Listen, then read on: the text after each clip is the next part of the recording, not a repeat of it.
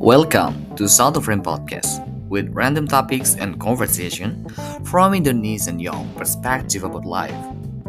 And this is your host, Rayhan Saidi, will give you good insight because after you listen, you insight.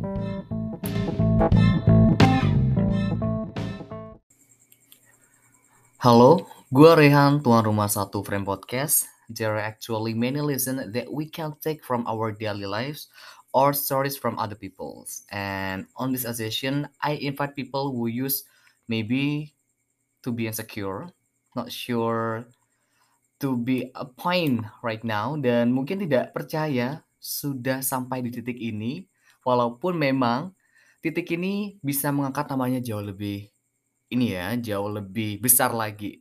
Dinda Aina Salsabila Diva. Halo, apa kabar hari ini Dinda? Halo Mas Roy, Alhamdulillah baik. Mas Roy gimana? Sehat? Alhamdulillah baik. Dan congratulations ya, ini secara official, officially gue bilang selamat karena kemarin sudah menjadi second place ya di salah satu pemilihan duta asik. Dan kita ketemu di tempat itu juga sih sebenarnya ya bulan lalu ya. Iya. Di babak sebelum. Bukan babak sebelum malah kita masih belum masuk ke ke babak yang final ya kak ya. iya sebelum final kan maksudnya.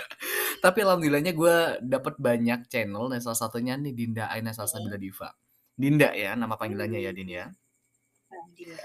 Oke, gue kalau boleh jujur, first impression ngeliat lo, serius nih ya, gue nggak peres, gue nggak bohong atau seperti apa. The first time gue ngeliat lo, kelihatan aura aura winnernya tuh kelihatan. Gue tuh melihat aura-aura winner tuh kelihatan di, di di sana gitu kan. Kayak Mas Wajar gitu kan waktu itu. Habis itu si Octavian itu, gue kan ngobrol sama dia juga. Aura-aura winner tuh nggak bisa dibohongin cuy. Salah satunya lu gitu. Kalau yang juara satu itu siapa sih namanya? Uh, yang cewek? Anin dia. Anin ya. Uh, gue tuh yakin kalau dia lolos ke tahap selanjutnya, tapi gue nggak ngerasa bakal uh, dia bakal menjadi pemenang gitu. Malah gue eh, apa expectnya ke lu dan ternyata bener kan, lu masuk ke top 3 gitu. Berapa duit dapatnya? Lumayan ya, 4 juta ya. 4 juta, iya alhamdulillah ya. Balik modal lah ya.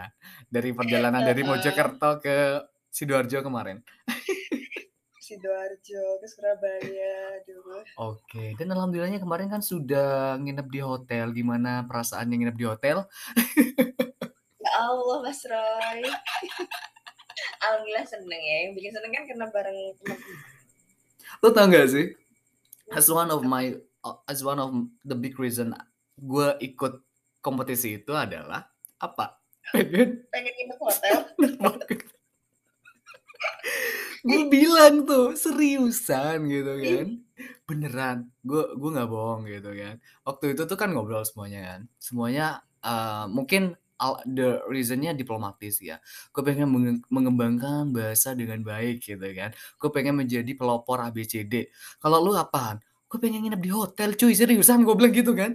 Oh kok bisa ya? Nggak tahu ya. Gue lama nggak nginep di hotel kata gue gitu kan. Nah mungkin Tuhan tidak anu ya, tidak menghendaki ya karena alasan gue yang tidak sesuai dengan ajangnya kali. Oke. Okay.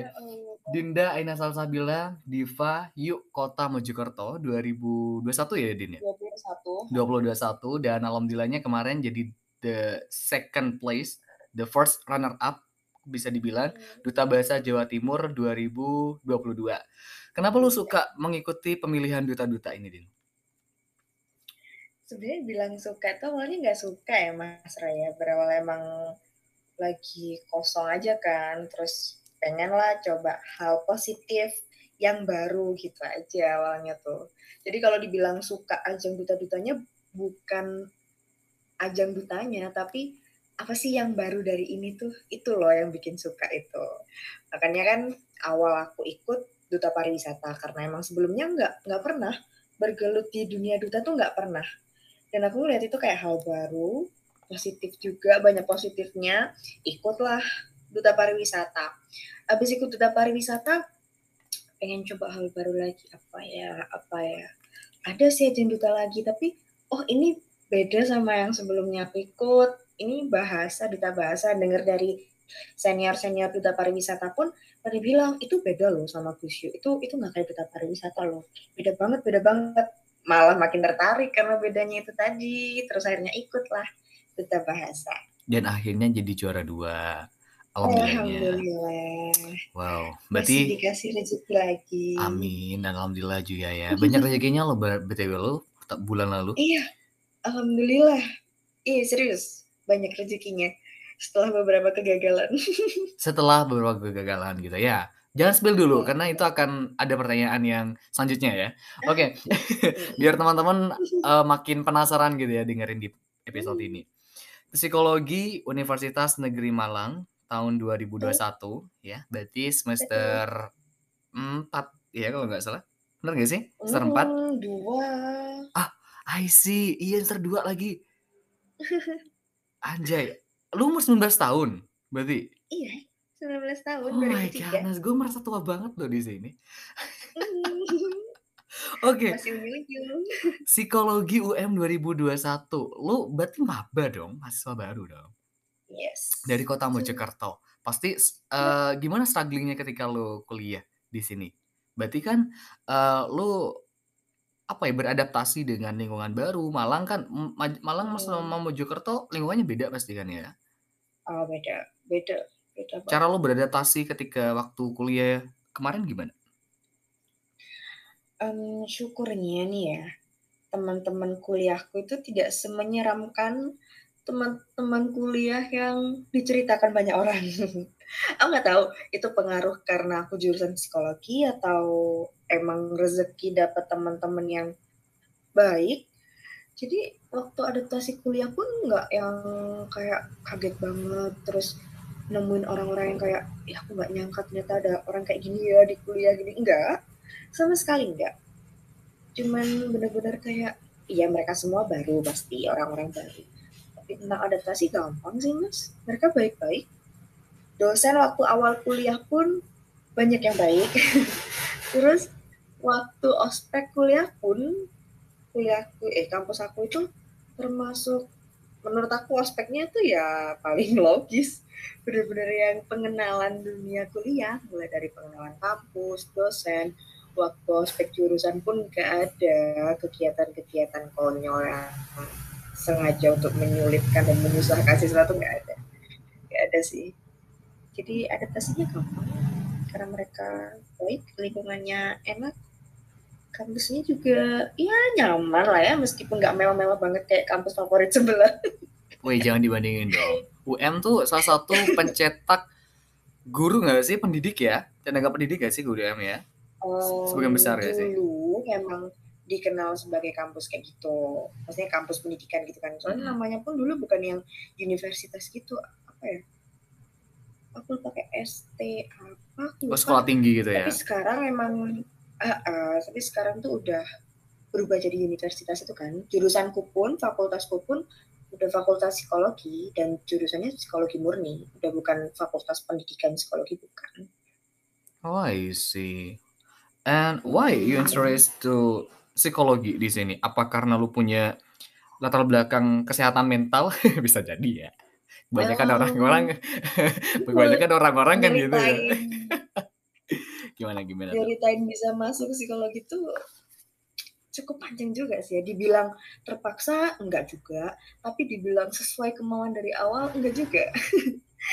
ya makanya aku tadi agak bandingin sedikit di awal sama kampus sebelah tuh bukan yang ngejelekin kampus aku sekarang bukan, tapi itu juga karena masih ada sedikit sakit hati Mas Roy sama kampus sebelah itu karena aku ketolak dulu di situ. Sabar. Berarti UM adalah yang terbaik.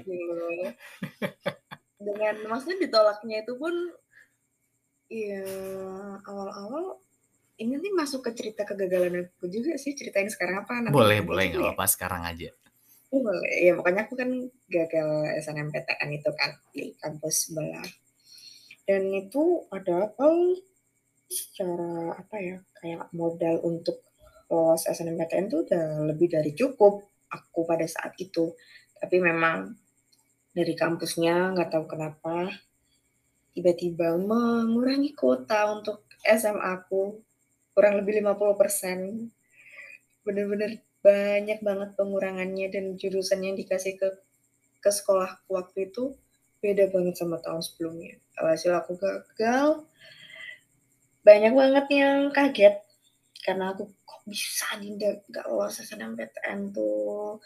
Waktu penjaringan SNMPTN, aku peringkat dua tuh satu jurusan. Terus secara sertifikat pun cukup mumpuni lah. Ada yang internasional, ada yang sejawa. Terus waktu pemilihan jurusannya pun itu jurusan yang uh, kakak kelasku dulu sebelumnya satu tahun angka, satu tahun atasku tuh banyak yang keterima di situ gitu loh. Tapi ternyata ketika tahunku tidak beruntung. Hmm. aku ketolak SNMPTN, terlanjut mau nggak mau TBK meskipun nggak nggak siap. Benar-benar nggak siap. Bahkan waktu aku gagal SNMPTN tuh aku nggak tahu TBK itu gimana.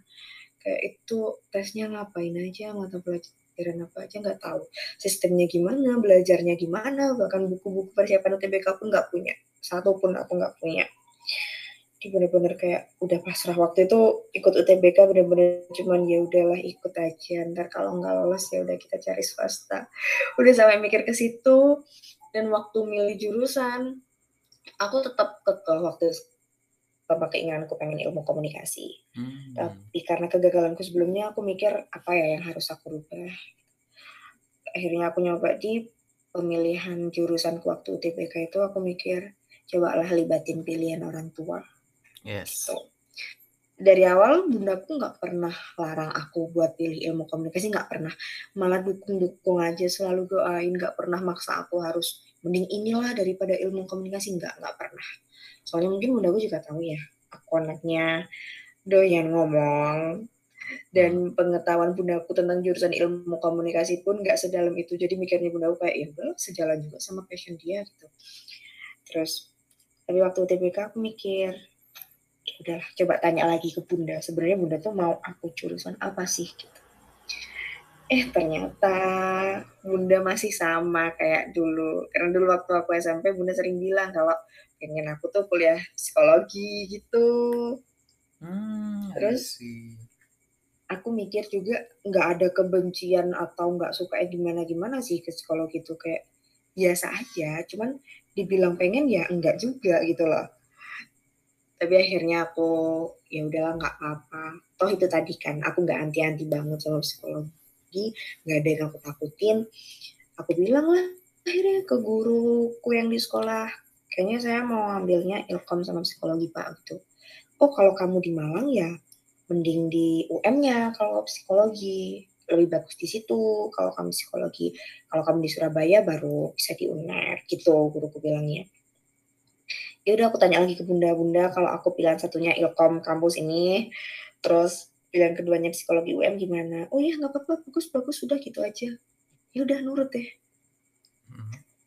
eh waktu selesai TBK pengumuman jreng jreng jreng lolosnya di psikologi UM emang dua orang tua itu ya kayak orang tua tuh yang terbaik di BTW dan sepertinya hmm, psikologi UM adalah jalan lu gue yakin itu karena uh, dan jujur iya benar hmm, benar banget gue ngerasa kalau doa orang walaupun dia bilang ya, beliau bilang, uh, tidak bilang secara eksplisit ya.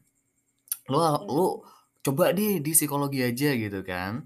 Walaupun dia tidak bilang kayak gitu, tapi secara implisit, "Saya pengen deh," gitu, "ibu pengen deh lu di sini," gitu.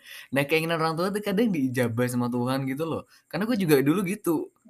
Seriusan, hmm. sama lagi, gue tuh suka hukum ya, sama gue tuh bilangnya coba di pertanian bagus ya, mbahmu jadi ini loh, jadi petani. Ya udah, gue merasa kayak yang tiba-tiba sama SNMPTN di blacklist deh gue, hukum. Sumpah. Jadi kayak yang di SNMPTN gue di blacklist, tiba-tiba masuk di apa namanya, uh, milih di pilihan pertama agroteknologi ya karena gue bingung mau milih yang mana gitu kan. Ternyata bener lolos cuy gitu. Wah, ini doa mak gue dari dulu nih gitu kan. Dan ternyata jalan gue bener nih agrotek dan gue yakin bahwa psikologi UM adalah jalan Ludin. Seriusan. Amin amin amin. Jujur iya banyak banyak makin bersyukurnya loh mas makin ke sini tuh. Soalnya waktu udah menjalani tuh ya baru semester satu kemarin kayak wah ternyata emang nyamannya di psikologi Hmm. gitu. Kayak aku ngeliat teman-teman aku yang mahasiswa ilmu komunikasi ya kan aku ngeliat lah dikit-dikit kan pasti ada tuh tugas-tugas yang di-upload ke Hmm. media sosial kan. Kayak ih tugasnya kayak gini, oh bikin gini gini kayak ih kalau aku pasti males banget sih. Ih pasti nggak mau banget sih bikin kayak gitu. Mager gini-gini nggak nggak aku banget lah. Yes. Jadi kayak makin wah ternyata ini ternyata Allah tuh baik loh ya. Hmm. Kayak aku nggak dikasih yang aku ingin, tapi akhirnya aku disadarin sama ini loh yang kamu butuh, ini loh yang lebih enak kamu jalanin, ini loh yang lebih bikin kamu senang meskipun nggak kamu ingin di awal. Kayak makin itu rasanya makin ke sini tuh. Exactly. That's right. Hmm. Itu tuh bener banget, seriusan. Lo bakal merasakan suatu hal yang di dalam keseharian lo cara bersyukur lo gitu loh, Din. Cara bagaimana menerima dengan lapang dada keputusan Tuhan. I know that Hmm. ini bukan keputusan yang lo pinginkan kan sebenarnya. Menjadi apa benar. apa menjadi mahasiswa psikologi UM gitu ya. Hmm. Pertama lo tidak membidik univ itu di di pertama gitu di bayangan lo di pertama-tama. Yang kedua, psikologi mungkin masih jangkauan lo tapi bukan arah lo gitu ya. Tiba-tiba lo Hmm. terjun di sini dan lo sudah dapat poinnya di tahun pertama gitu loh, cuy. Wow. Mm-mm. Baik banget sih Tuhan. Bener. Itu jurusan psikologi malah nganterin aku ke berbagai rezeki alhamdulillah. Anjay. Wow. Mm-mm. Dan itu adalah Serius. nikmat Tuhan sih. Banget. Nikmat Tuhan banget dan tuh. nikmat orang tua lu sih sebenarnya. Eh, rezeki anak soleha menyenangkan hati bunda ya alhamdulillah berkahnya berjalan terus Amin. Semoga jalan lo yang baik lo ya di psikologi ya, jangan macam-macam lo. amin amin Amin. ya Oke. Allah. Ngomongin tentang psikologi UM ya atau jurusan psikologi, berarti kan lu sudah dua semester ya, walaupun memang memang masih pengantar-pengantar di semester 1 2 pasti kan ada Hmm. keinginan lo ke depannya seperti apa gitu kan di jurusan ini gitu kan. Nah, karena gue barusan sudah tahu alasan lo ternyata kuliah di psikologi UM itu bukan gara-gara mental illness ya. Biasanya orang-orang tuh biasanya yang eh, masuk di psikologi itu teman-teman gue ya kadang karena karena gue dulu pernah mas ini deh kan mental illness kesehatan mental gue pengen nyembuhin diri gue sendiri gitu Hmm. kan dan di dewasa ini lu udah mau di kepala dua ya mau kepala dua ya Mm-mm. umur 19 tahun tentu struggling di dalam kehidupan ada ya Din ya. Struggling banyak lah ya. Ketika lu dapet struggling dapet mental gitu ya yang nyembuhin diri lo sendiri nih siapa Din? Diri aku sendiri sih mas. Diri aku sendiri dibantu sama waktu juga pastinya doa gitu. tapi kuncinya di keyakinan diri sendiri sih. Mulainya di situ. Gimana cara lo yakinin diri lo sendiri kalau ketika gue down uh, when you down gitu nah itu susah untuk menyadarkan diri. Dan gue pernah ngerasain itu. Susah untuk kayak oke gue down kayak yang mau recover ourselves itu lu gak semudah itu untuk uh, kalau gue pribadi ya gak semudah itu untuk bilang oke sembuh dulu sembuh dulu deh gitu. Ayo ayo sembuh deh gak gak mudah gitu kalau lu sendiri hmm. ketika lu barusan bilang ketika lu dapet struggling mental gitu yang nyembuhin adalah diri lu sendiri Hmm. caranya gimana mungkin relate sama ilmu-ilmu psikologi ini boleh diceritain ke teman-teman juga Em, sebenarnya kalau masalah sendiri gitu ya, pasti kalau lagi down banget itu munafik ya bilang kalau pasti bisa langsung semangat setelah mendengarkan motivasi ini itu bla bla bla. Kayaknya kalau aku enggak. Tapi intinya aku tiap berat banget ngadepin sesuatu yang berat banget satu sih. It will pass. Udah. wow Pokoknya itu.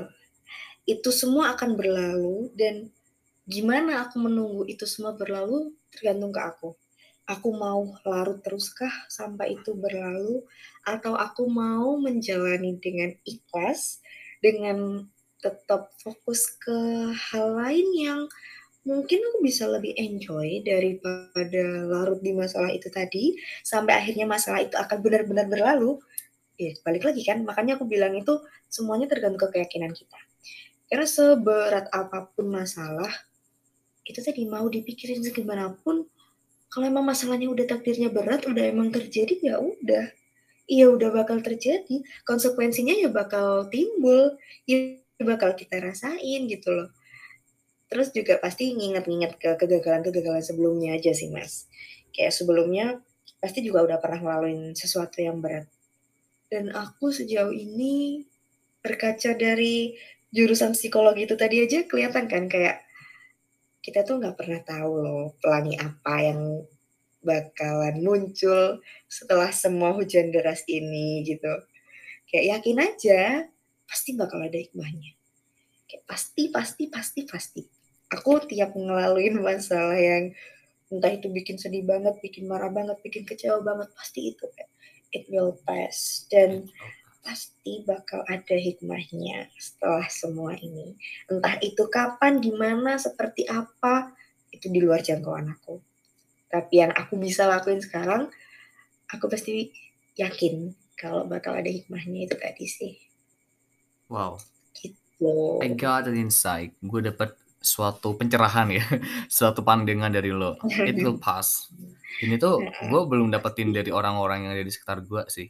Walaupun memang setiap orang tuh punya cara tersendiri untuk menyembuhkan lukanya gitu ya recover their self dan juga mungkin untuk healing ya bisa dibilang ya. Walaupun healing tuh orang-orang kadang ya keluar ke sini ke situ but the truly untuk healing itu ya dari lo sendiri gitu kan. Dan caranya lo mindset pola pikir lo it will pass wow dan bagaimana caranya lo melupakan kegagalan yang lo juga sebelumnya uh, alami gitu? Selain kegagalan yang lu bilang barusan hmm. ketika masuk di hmm. perkuliahan ya, bisa dibilang. Hmm. Kegagalan apa yang lu pernah alami juga, Din? Kegagalan itu kegagalan yang paling besar sih itu ya pertama. Tentang soalnya kan waktu itu posisinya kayak udah proper banget buat lolos tapi ternyata nggak lolos. Terus tadi mau nyampein apa ya soal kegagalan? Bentar. Aku tuh waktu SMA mau ke kuliah itu yang paling kegagalan yang paling sakit. Tapi kalau hal-hal lain yang nyakitin tuh banyak sih mas Roy kegagalan asmara. Bisa cinta gagal cowok itu aduh. Aduh malah. Kayak kayak oke oke. Parah banget gitu loh. Aduh pun nasib aku gini banget ya soal cowok. Tapi ya balik lagi. Itu mengantarkan aku ke hal-hal baik lainnya gitu loh. Oke. Okay. ada hikmah di balik itu ya berarti ya Din ya? Hmm, banget. Banget banget banget banget gimana struggling lo juga ketika lo menghadapi gue gue tahu ya ketika orang mengikuti sesuatu kompetisi struggling tuh ada pasti kan. Dan lo tadi juga cerita ke gue gue coba elaborate gitu ya. Lu coba ternyata lu basicnya dulunya bukan duta-dutaan gitu kan dan lu pernah gagal pasti di di apa di hal itu gitu. Bagaimana caranya lu meyakinkan diri lu bahwa it's my passion maybe it's my path gitu. Ini adalah jalan gue yang harus gue gue kayaknya di sini nih gitu gimana tuh Din? Uh, oh ya aku udah inget lagi nih tentang kegagalan tadi buat Mas Roy kan tahu ya ada beberapa orang yang healingnya pakai cara itu tadi entah keluar atau apa. Tapi kita tuh harusnya bisa bedain mana healing, mana cuma sekedar feel better. Kayak itu beda ya. Yeah. Kayak ketika kamu healing dan kamu mengalihkan perhatianmu itu beda. Jadi gimana Mas nyembuhin luka sama cuman sekedar ngasih hand plus ke lukanya itu itu beda. Jadi kalau ngadepin apa-apa, terima. Terima terima terima sakit apa pun terima jangan berusaha memungkiri sakitnya menutupi sakitnya nggak nggak perlu cukup terima dan yakinnya aja ada hal baik setelah itu cuman kalau aku sendiri gimana sih yakin kalau oh ini aku oh ini kayaknya aku bakal bisa di sini. Kalau aku sendiri ya pertama restu bunda. Itu itu pertama. Kayak sebelum aku uh, ngambil keputusan apa pun aku pasti tanya ke bunda. Sekedar ya bunda suka nggak kalau aku di sini? Bunda uh, ngizinin nggak kalau aku di sini? Gitu pasti ya sambil aku jelasin juga secara detail ke bunda semuanya apa yang bakal aku lakuin di situ kegiatan-kegiatannya. Setelah itu kalau bunda bilang ya ya udah aku berani daftar. Aku berani coba. Pokoknya kalau bunda udah ngizinin tuh satu itu pasti hal baik ya. Nggak mungkin kan seorang ibu ngizinin anaknya ngelakuin hal buruk. Jadi kalau itu hal baik ya udah. Dan pasti aku pun sebelum nanya ini tuh ke bunda pasti aku uh, maksudnya baca dan neliti kegiatan itu secara detail dan aku lihat oh ya aku bisa oh ya aku bisa di sini aku bisa aku bisa. Udah aku ngerasa ini sesuai sama kemampuan aku aku maju ke bunda bunda ngerestuin udah deh jalan. Urusan hasilnya nanti gimana? Nah targetin ini itu. Enggak enggak pernah. Jadi ikut karena aku ngerasa mampu dan aku ngerasa oh aku di sini selain bisa dapat hal baru dari si kegiatannya ini aku juga bisa memberikan sesuatu memberikan kontribusi karena aku mampu itu tadi terus bunda ngerestuin juga ya udah akan berjalan dengan tenang berarti main poinnya adalah lo sering minta restu ke emak lu ya, ke nyokap lu ya berarti ya? Hmm, berarti sering. deket banget sama bunda asik. deket banget berarti ya. Sedekat apa lu Iya, sama bunda lu? Iya, sedekat apa ya itu tadi sih Mas Roy, kayak apa-apa yang aku ambil, keputusan-keputusan yang aku ambil tuh pasti pertama aku tanyain ke bunda, tak tahu gimana. Soalnya kalau bunda udah bilang iya, apalagi bunda kelihatan suka tuh, ini keyakinan buat maju langsung naik drastis gitu loh. Wah, ada jalan langsung, nih gitu ya. ah kalau bunda udah ngerestuin nih 98% lancar nih pasti. Amin. Soalnya kayak gitu di Wah. apa sugesti aku. Gue gue dapat insight nih dari itu. Lo ya, bis kalau mau cari jodoh ya, ngerti kan maksud gue? lo jajarin yang namanya foto ya, foto di depan bunda lo, bun yang mana yang terbaik bun? Hmm, sepertinya tidak ada yang Iya. cocok gitu. Iya itu itu dari dulu deh kayak gitu Mas Oh, Roy. sih seriusan? Deket sama siapa gitu pasti bunda pengen lihat fotonya dulu terus tuh diteliti deh sama bunda dari bentuk alisnya, bentuk hidungnya, bentuk bibirnya. Ngerti kan orang tua kayak Ah, ah, ah. aku nggak tahu ya itu dasar teorinya gimana tapi bisa aja gitu nilai orang berdasarkan hal-hal yang kayak menurut aku ya pasti apa hubungannya gitu. Ya Tapi, bener, sering Berarti deket banget loh sama mak lo ya berarti ya? Iya. Gila, maksudnya se se detail Terbuka. itu gitu loh, sehal-hal yang kecil, uh, it's not it's not kecil sih, tapi hal-hal yang sensitif tentang perasaan lo malah ceritain gitu loh. Gila, keren banget sih. Hmm. Hmm. Oke, gue pengen tahu apa namanya cerita dari Dinda lebih jauh, akan tetapi jangan ke mana-mana nih teman-teman ya, tetap di episode ini.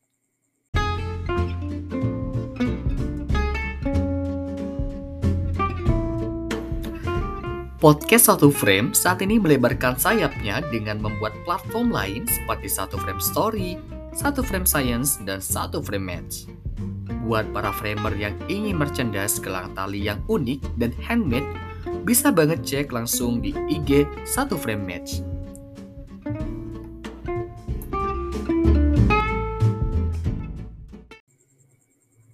Halo, balik lagi bersama gua dan Dinda. Jadi gue barusan sudah tahu banyak hal.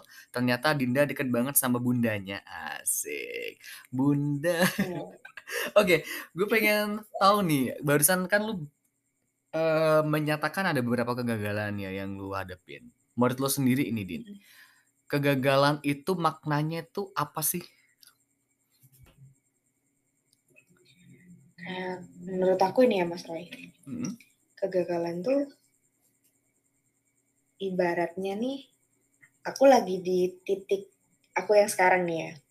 Terus aku mau ke level berikutnya. Aku mau dapat rezeki kah, karunia kah, anugerah kah atau apa pun lah itu hal-hal indah semuanya tuh kegagalan tuh kayak jembatannya gitu loh Mas. Jembatan ya menurut lo ya. Berarti Kayak penting. intinya kalau aku mau sampai ke entah itu bisa dibilang jembatan kah atau perantara kah atau emang sesuatu yang kayak ya harus aku lewatin emang sebelum aku naik level itu tadi. Oke, berarti menurut lo penting ya kita mengalami kegagalan dalam kehidupan ya. Kalau lu bilang kalau kegagalan menurut lu adalah jembatan. Berarti kan jembatan bisa dibilang menuju ke arah mana gitu ya. Arah yang lebih Hmm. baik mungkin ya. Hmm. Bisa dibilang di sini. Dan Hmm. banyak narasi yang ada di luar sana itu ada, Din. Ada nih ya. Semua itu akan akan indah pada waktunya. Apalagi juga kegagalan. Lo Hmm. gagal ternyata masuk di UM psikologi kita nggak tahu knows gitu ya. Siapa tahu ini rezeki lo yang terbaik yang Hmm. diberikan Tuhan dan juga Hmm. diberkati oleh orang tua lo. Amin. Ketika lo mendapatkan narasi itu, semua akan indah pada waktunya, gitu kan. Dan ketika ingin target yang mungkin, mungkin ya, itu sering gagal nih kita. Dan dan kayaknya lu bakal dan lu bakal dan mungkin sudah dapetin itu gitu. Kegagalan juga kan sebelumnya. Gimana sih cara lu konsisten Hmm. dan berpikir gitu bahwa semua akan indah pada waktunya gitu loh, Din? Mmm, berawal dari kegagalan itu tadi ya, Mas, Boy, Mhm. sebenarnya bukan tentang, berarti harus gagal dulu ya, tapi poinnya tuh lebih ke cara kita tiap ngadepin kegagalan itu loh, Mas. Itu yang bikin kita bisa naik level. Nggak peduli kalau berkali-kali gagal, tapi ternyata cara ngadepinnya salah, misal berlarut-larutkah atau bahkan melampiaskan ke hal yang burukkah, ya jatuhnya kegagalan tuh nggak bakal jadi jembatan ke hal positif apa-apa. Tapi itu tadi, gimana kita ngadepin kegagalannya itu tadi, itu loh yang bakal jadi jembatannya itu dari situ. Ketika kita berhasil ngadepin kegagalan itu dengan dengan bijak, dengan kayak aku bilang tadi menerima, nanti, eee, sikap positif itu, ya bakal nganterin kita ke hal positif juga. Dan alhamdulillah sejauh ini setiap gagal, kecewa, separah apa pun, mau senangis apa pun, sefrustasi apa pun, sedepres apa pun, aku nggak sampai lari ke hal-hal yang negatif. Dan alhamdulillah masih bisa kayak, eee, sugesti itu tadi kan, kayak itu lepas, itu. Dan Yes. setiap kayak gitu kan akhirnya aku nemuin hikmahnya toh, Mas. Mhm. Ya ini, kayak proses ini yang selalu bikin aku konsisten kalau ya semua itu bakal indah pada waktunya. Buat apa aku nggak yakin, aku sebelumnya udah pernah ngalamin. Gitu. Tapi memang di setiap kegagalan tuh, apa ya, tantangannya itu semakin tinggi sih. Makin lama kegagalan baru akan lebih menantang dari kegagalan sebelumnya. Lebih menekan kita Yes. lagi, lebih bikin kayak kadang pun aku juga pernah waktu ngadepin suatu kegagalan terus kayaknya aku, aduh nggak tahu deh ini bakal kuat apa enggak, kok kenapa aku ya. Tapi alhamdulillah hal kayak gitu nggak pernah lama.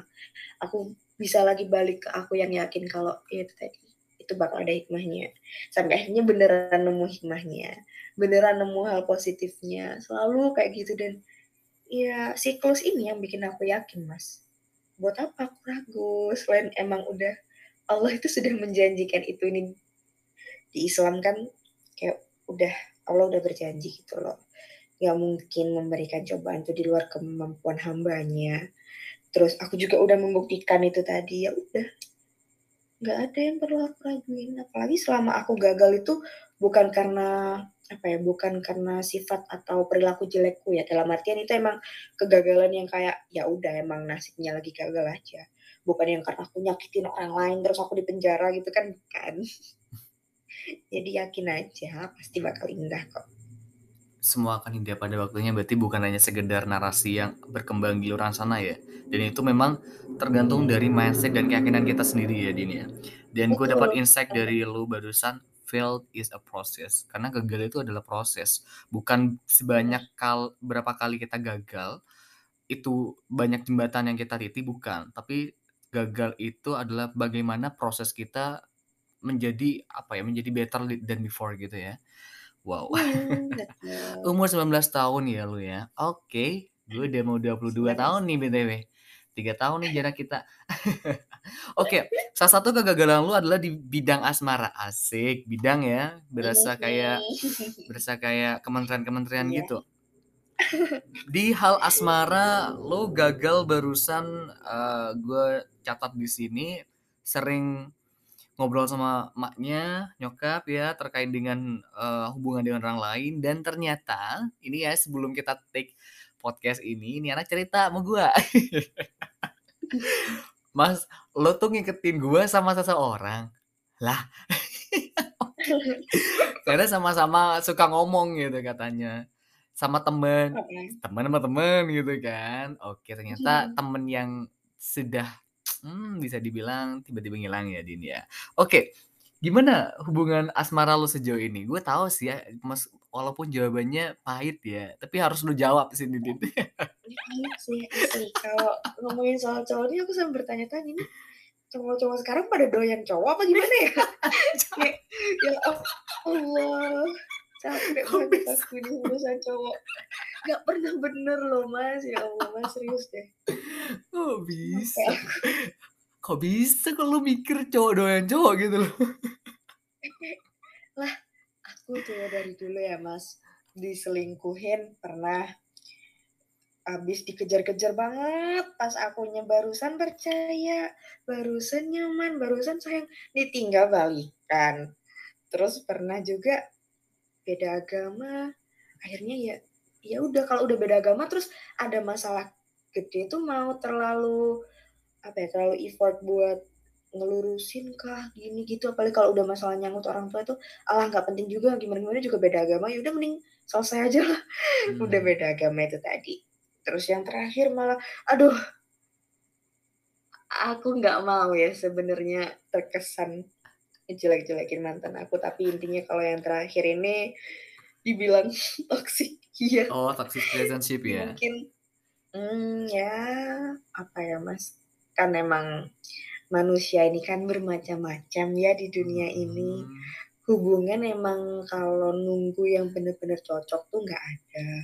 Tapi kalau menurut aku setiap orang berhak memilih kekurangan pasangan yang bisa dia terima. Jadi bukan tentang kalau aku pribadi ya, Mas, milih pasangan tuh bukan tentang, "Oh, si dia polisi, oh, si dia dokter, enaknya aku sama polisi apa dokter ya?" Itu nggak akan ada ujungnya sih kalau mikir kayak gitu Iya pasti. iya. Karena itu sama-sama hal positif, itu tuh sama-sama kelebihan dan kamu bandingin kelebihan dengan kelebihan itu, ya gimana, nggak mungkin ada ujungnya. Cuman tinggal preferensi aja mungkin ya kalau kelebihan. Tapi kalau kekurangan baru deh. Ketika si A punya kekurangan ini, si B punya kekurangan ini, nih kira-kira sama mana ya yang bisa aku terima sampai entar aku mati bakal ngadepin kekurangan pasangan yang kayak gitu. Gitu Hmm, kan. I see. Kalau aku sih kayak gitu milih pasangan tuh. Jadi mana sih yang bisa kita toleransi dan kebetulan pasanganku yang terakhir ini, mmm, beberapa sikapnya saya tidak bisa menoleransi, mungkin ada wanita lain yang jauh lebih tangguh dari saya yang bisa menoleransi, yang lebih klop ya sama dia mungkin. Jadi gitu sih. Berarti sejauh ini masih jomblo ya, Din, ya? Masih jomblo? Jomblo. Oh, jomblo. Iya, jomblo banget. Kok berat banget kayaknya bilang jomblo? Aman, Bun, saya ma saya aja 6 tahun apa 5 tahun gitu jomblo, aman aja. Ya gimana ya, mau nyari toh juga takutnya kayak elu gitu loh. Mau nyari takutnya malah Mmm. kayak yang ada yang toxic, ada yang tiba-tiba ngilang, ada yang gitu, gitu kan. Eh, gue ralat ya mungkin tadi ya, bukan ralat ya, gue rebel ya. Cowok e Ih. e bukan cowok suka sama cowok. Cowok itu maksudnya tuh mungkin ada prinsip yang, "Ah, gue masih belum pengen," gitu ya. Banyak kok teman-teman Iya gue yang iya. masih belum, apa namanya, eee, pengen pacaran gitu. Ya walaupun kita tidak memungkiri ada yang cowok suka sama cowok ya, ada. Anjay. gimana Mas Roy, jujur ya, aku tuh akhir-akhir ini pokoknya udah ya semenjak jomblo terakhir ini tiap, eee, di lingkungan aku mungkin lebih tepatnya di sekitar aku tuh, yang ganteng-ganteng tuh doyannya cowok, yang Hah? manis-manis tuh udah punya orang. Terus kadang yang kayak bijak, bikin nyaman, dewasa itu ya sama, punya orang. Nah yang jelek-jelek tuh pada nyakitin semuanya. Lu tahu nggak sih kalau, apa namanya, penduduk di bumi ini memang lebih banyak ceweknya? Iya ya. Jadi lu emang harus Iya. cepet-cepet sih ya. Iya. Jadi cewek itu Mungkin susah ya. nyari cowok, tapi cowok tuh gampang nyari cewek, kan saking banyaknya cewek sih. Benar, kadang juga mikir gitu kayak, kalau lagi kosong banget gitu ya pikirannya ngelantur ke mana-mana kayak sempet juga mikir, "Ini sekarang aku jomblo kayak gini sampai kapan ya?" Ya Iya. kalau cuman setahun ini atau 2 tahun, setahun, 2 tahun, 3 tahun, mungkin masih okelah. Tapi entar kalau sampai lulus kuliah, kerja, terus masih sendiri-sendiri aja gini, gimana ya? Kayak bukan yang nggak bisa deh kayaknya jomblo terus, enggak juga. Cuman kayak makin bayangin aja gitu loh Mas, kayak gimana ya sendirian terus. Ya nggak apa-apa sih, selama yang lain-lain lancar juga nggak apa-apa, cuman pasti sepi banget. Sepi sih cuy. Berapa lu lu ekspektasi lu 3 tahun, gue terakhir 16, 2016. 16 ke 22, 2022, 7 tahun. Aman aman kok Aman aman, kan ya? Iya, aman. kan masih kuliah, kayak masih fokus kuliah juga masih bisa kan. Mhm, aman, aman sekali. Aman. Jadi jadi jangan terlalu memikirkan itu, aman, tapi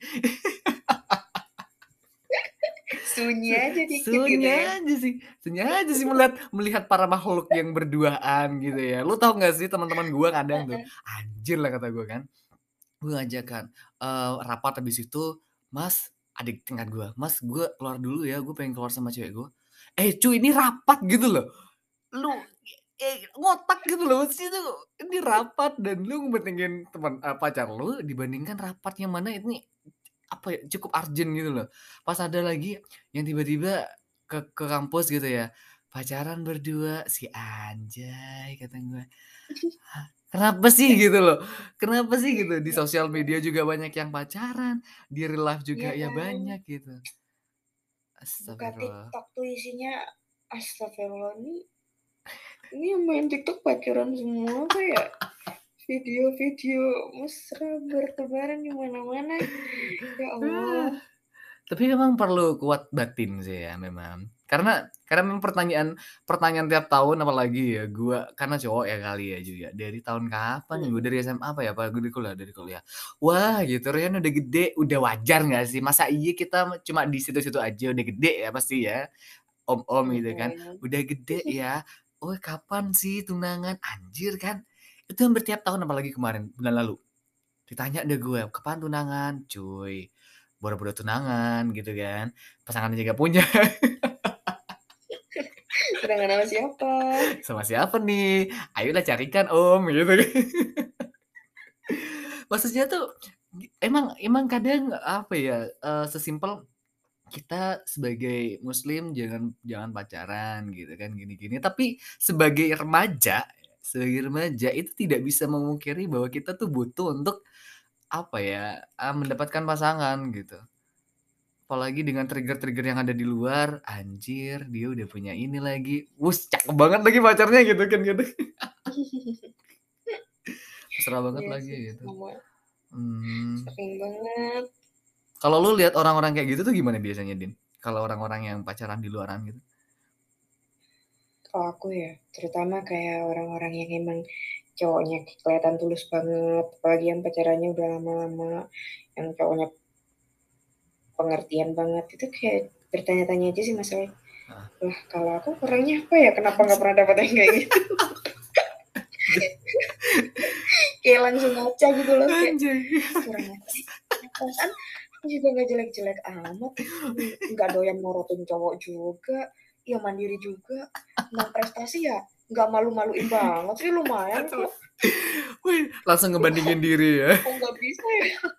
Iya Lu harusnya apa gini, lu Din, harusnya lu membuka lowongan ini dong, Ya membuka apa Allah. namanya, cowok gitu loh, habis itu lu kasih CV lu, "Ini gua," gitu, "ini profil gua," gitu, biar Kayak itu Iya. dong, kayak kayak baju diskoran Matahari tuh, Aduh kasihan banget kayaknya tuh. kasihan sih sebenarnya ya.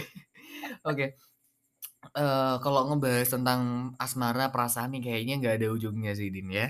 Mending mending kita ke topik Iya. yang lain gitu ya, tentang future mungkin ya, Iya tentang ke betul. depannya gitu. Oke, target terdekat lu setelah kemarin menang lomba duta bahasa nih ya, apa nih, Din?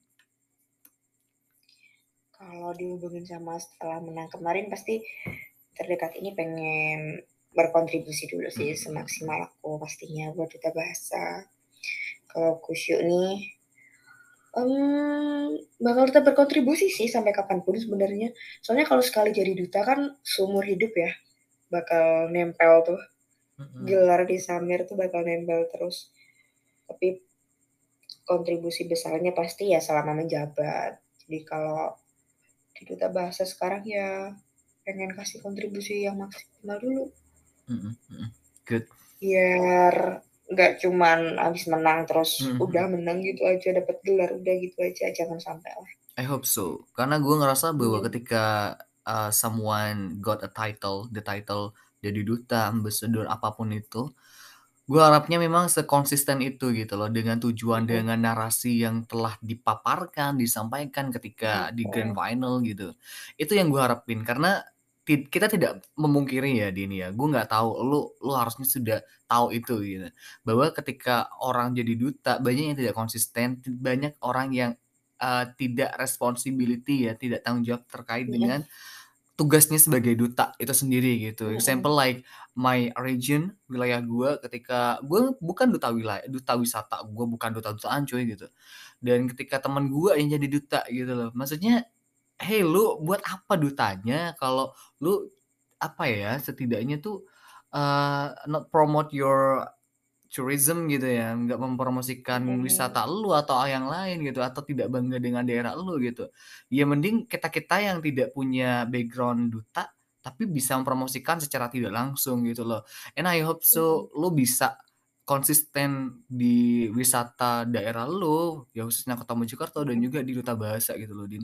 Dan gue Amin harapannya juga lu sampein juga ke teman-teman duta bahasa yang lain ya. Ya harus konsisten gitu, jangan hanya sekedar gelar aja. Dan gue gue yakin sih orang-orang yang menang gelar tuh nggak mungkin salah milih tuannya ya, gue yakin itu dan Mhm. bisa sih kalau menurut gue. Asik, penyemangat nih. Amin amin amin. Memotivasi sekali nih. Aduh, iya gue tuh pasti kalau ikut-ikut duta tuh nggak pernah yang masuk finalis tuh nggak pernah. Jadi gue mikir, apa gue bukan passion-nya ya kali ya gitu. Ini udah kayak udah tahun gue umur 22 gitu loh. Tapi gue alhamdulillahnya masih sadar diri untuk kayak mempromosikan daerah gue ke teman-teman walaupun bukan jadi duta-duta gitu. Itu itu yang harus ditanemin Bener. ya harusnya ya gitu. Oke. Bener. Ketika orang lain melihat lu, ada 3 hal mungkin ya, ada yang ambis ambisius gitu ya, idealis atau realistis. Yang bisa, eee, merepresentasikan diri lu itu dari 3 ini nih yang mana nih, Din? Realistis sih. Anjay sama lagi, kenapa tuh? Jujur ya, Mas, ya, ini pas banget. Bahkan aku ketika dep interview di Duta Pariwisata khusus di Kota Mojokerto tuh, ketika ditanya, "Apa sih kamu? Apa sih yang beda dari kamu?" Jawabanku ya itu, realistis.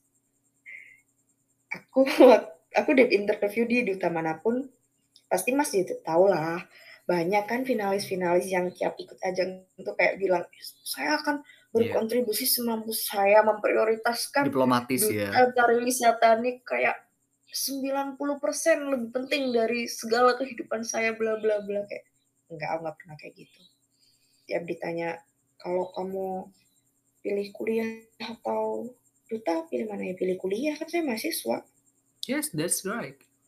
Kayak, That's good point. saya ikut ini tuh untuk menunjang kehidupan saya ke depannya dan tidak mengubah, apa ya, mengubah saya sekarang sebagai mahasiswa ya. Saya mahasiswa prioritas saya kuliah. Saya ikut ini karena menurut saya ini hal positif, ini bisa menunjang kehidupan saya sebagai mahasiswa juga. Jadi kalau ditanya bakal mendingin mana, terus kalau nanti bentrok gini gitu ya, aku juga jawabnya, ya kita lihat dari urgensinya aja sih. Kayak kalau ngomongin prioritas, ya prioritas pasti kuliah, tapi kalau nantinya saya menjabat, misalnya waktu dep interview tuh ditanyain, "Kalau kamu udah menjabat gimana? Kan kamu juga bertanggung jawab nih atas tugas ini itu ya." Aku bilang, "Ya kita lihat tingkat urgensinya gimana, kuliah saya saat itu bagaimana," gitu loh. Memungkinkankah untuk saya tukar jadwal atau mungkin, eee apa, memang harus mendulukan kuliah saya, atau mungkin saya bisa kong kali kong sama teman saya untuk, apa, tukar jadwal itu tadi misalnya ketika waktunya presentasi atau apa. Ya jadi intinya kalau ditanya bentrok terus pilih yang mana, ya lihat dulu. Kalau emang kegiatan kuliah saya itu tidak bisa diotak-atik, tidak bisa dirubah gimana-gimana dan memang harus saya selesaikan saat itu, ketika bentrok sama penugasan Gus Yu, ya saya pilih kuliah. Yes. Dan harus realistis juga ya, karena memang narasi diplomatis ketika di pemilihan, di interview itu kayak yang, "Ini loh, enggak deh kayaknya," gitu. Karena memang narasi-narasi positif diplomatis itu yang membuat poinnya tinggi, tapi memang kadang ketika pelaksanaannya ya tidak seperti itu. Dan gue Mmm, senang sih ada orang anak duta yang se yang bisa realistis gitu. Karena kemarin pas Mhm. waktu di interview juga gue tanya ya, "What is your big motivations to join this ambassador?" Gitu kan, sama yang bahasa Inggris itu. Gue bilang, Mhm. kalau gue punya jawaban, apa namanya, gue jawaban realistisnya adalah jawaban gue apa? Gue pengen, "I wanna develop my business with this platform," gitu. Seriusan gitu, seriusan, bukan ingin mengembangkan bahasa gini gini gini. Mungkin itu kali ya yang mereka nggak milih gue kali ya, gitu. Terlalu jujur gitu ya. I don't want to answer this question with diplomatic gitu. Gue nggak pengen jawabnya secara diplomatis, gue pengen jawabnya secara realistis, bilang gitu gue ke jurinya tuh. Ya itu kali, tapi nggak apa-apa. Tapi dari situ gue banyak banget sih, eee, apa namanya, hikmahnya gitu ya. Oke, what is your Mhm. resolution in 2022? Mungkin yang sudah terlaksana atau yang akan di apa ya, dijalankan nih di 2022, kan masih pertengahan tahun nih, Din. Mmm, aduh kalau ngomongin spesifik yang apa harus dijalankan tuh, belum bisa sih Mas Roy sek sekarang. Karena emang aku tipenya yang itu tadi ya, suka mencoba hal-hal baru yang kadang terkesan spontan, tapi kalau emang itu baru, positif juga, why not? Hmm. Dan apalagi kalau emang aku punya waktu itu tadi ya, kayak kemarin waktu aku daftar duta bahasa itu, udah mendekati libur semester genap.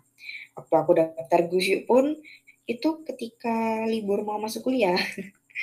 Jadi kayak timing-nya pas, bidangnya aku cocok, aku mampu, tapi yang terdekat untuk saat ini aku pengen tuh lebih ke aku ingin lebih menguasai trikotomi kendali aja sih. Buat Asik. bisa lebih tenang, lebih apa ya, ya lebih tenang, lebih tentram ngejalanin semuanya. Meskipun harus berhadapan dengan emosi-emosi negatif terkadang, aku berharap bisa jadi pribadi yang lebih tenang Amin. Anak Yang psikologi terlalu banget ya berarti ya? Nggak terlalu mencemaskan hal-hal yang, apa ya, ya emang itu hal-hal di luar kendaliku gitu loh. Kayak, ya udah, harus lebih, apa ya, lebih sadar aja, "Oh ini loh yang bisa aku kendaliin. Oh Yes. ini loh yang nggak bisa. Oh ini loh yang bisa aku kendaliin setengah, selebihnya nggak bisa," gitu. Pengen lebih sadar tentang hal-hal kayak gitu. Wow, trikotomi kendali. Anak psikologi banget dia ini ya. Oke, gue berharap lu bisa mengen eee, bisa mengendalikan sampai bisa memahami ya, berasa kayak Avatar ya Iya. mengendalikannya. Oke, Mhm. last, eee, pesan yang akan disampaikan, pengen lu sampein kepada para pendengar podcast Satu Frame Mhm. dari obrolan kita, mungkin dari tentang kegagalan, mungkin apa pun itu gitu, Din, Mhm. monggo. Kalau dari aku ya kalian boleh fokus dengan hal-hal yang kalian suka, yang kalian ingin, sangat boleh. Tapi lebih baiknya kalau kalian harus lebih fokus dengan hal-hal yang memberikan hal baik untuk kalian. Asik. Dinda Aina Salsabila Diva, Yuk Kota Mojokerto 2021. Thank you so much untuk kesempatannya Dinda. Luar biasa banget. Semoga lancar Iya. selalu kegiatannya. Semoga Mhm, gue mendengarkan. Big Achievement again next time ya. Jangan sampai berhenti di sini ya, Din, ya. Lu masih semester Iya, 2, siap. oke? Yang gue nih expired BTW udah. Enggak dong, itu kan hanya angka semester. Anjay. Oke, thank you so much Dinda. See you next terima episode. kasih. Dadah. Thank you. Oke, terima kasih juga loh Mas Roy udah diundang. Thank you, Din. Mhm.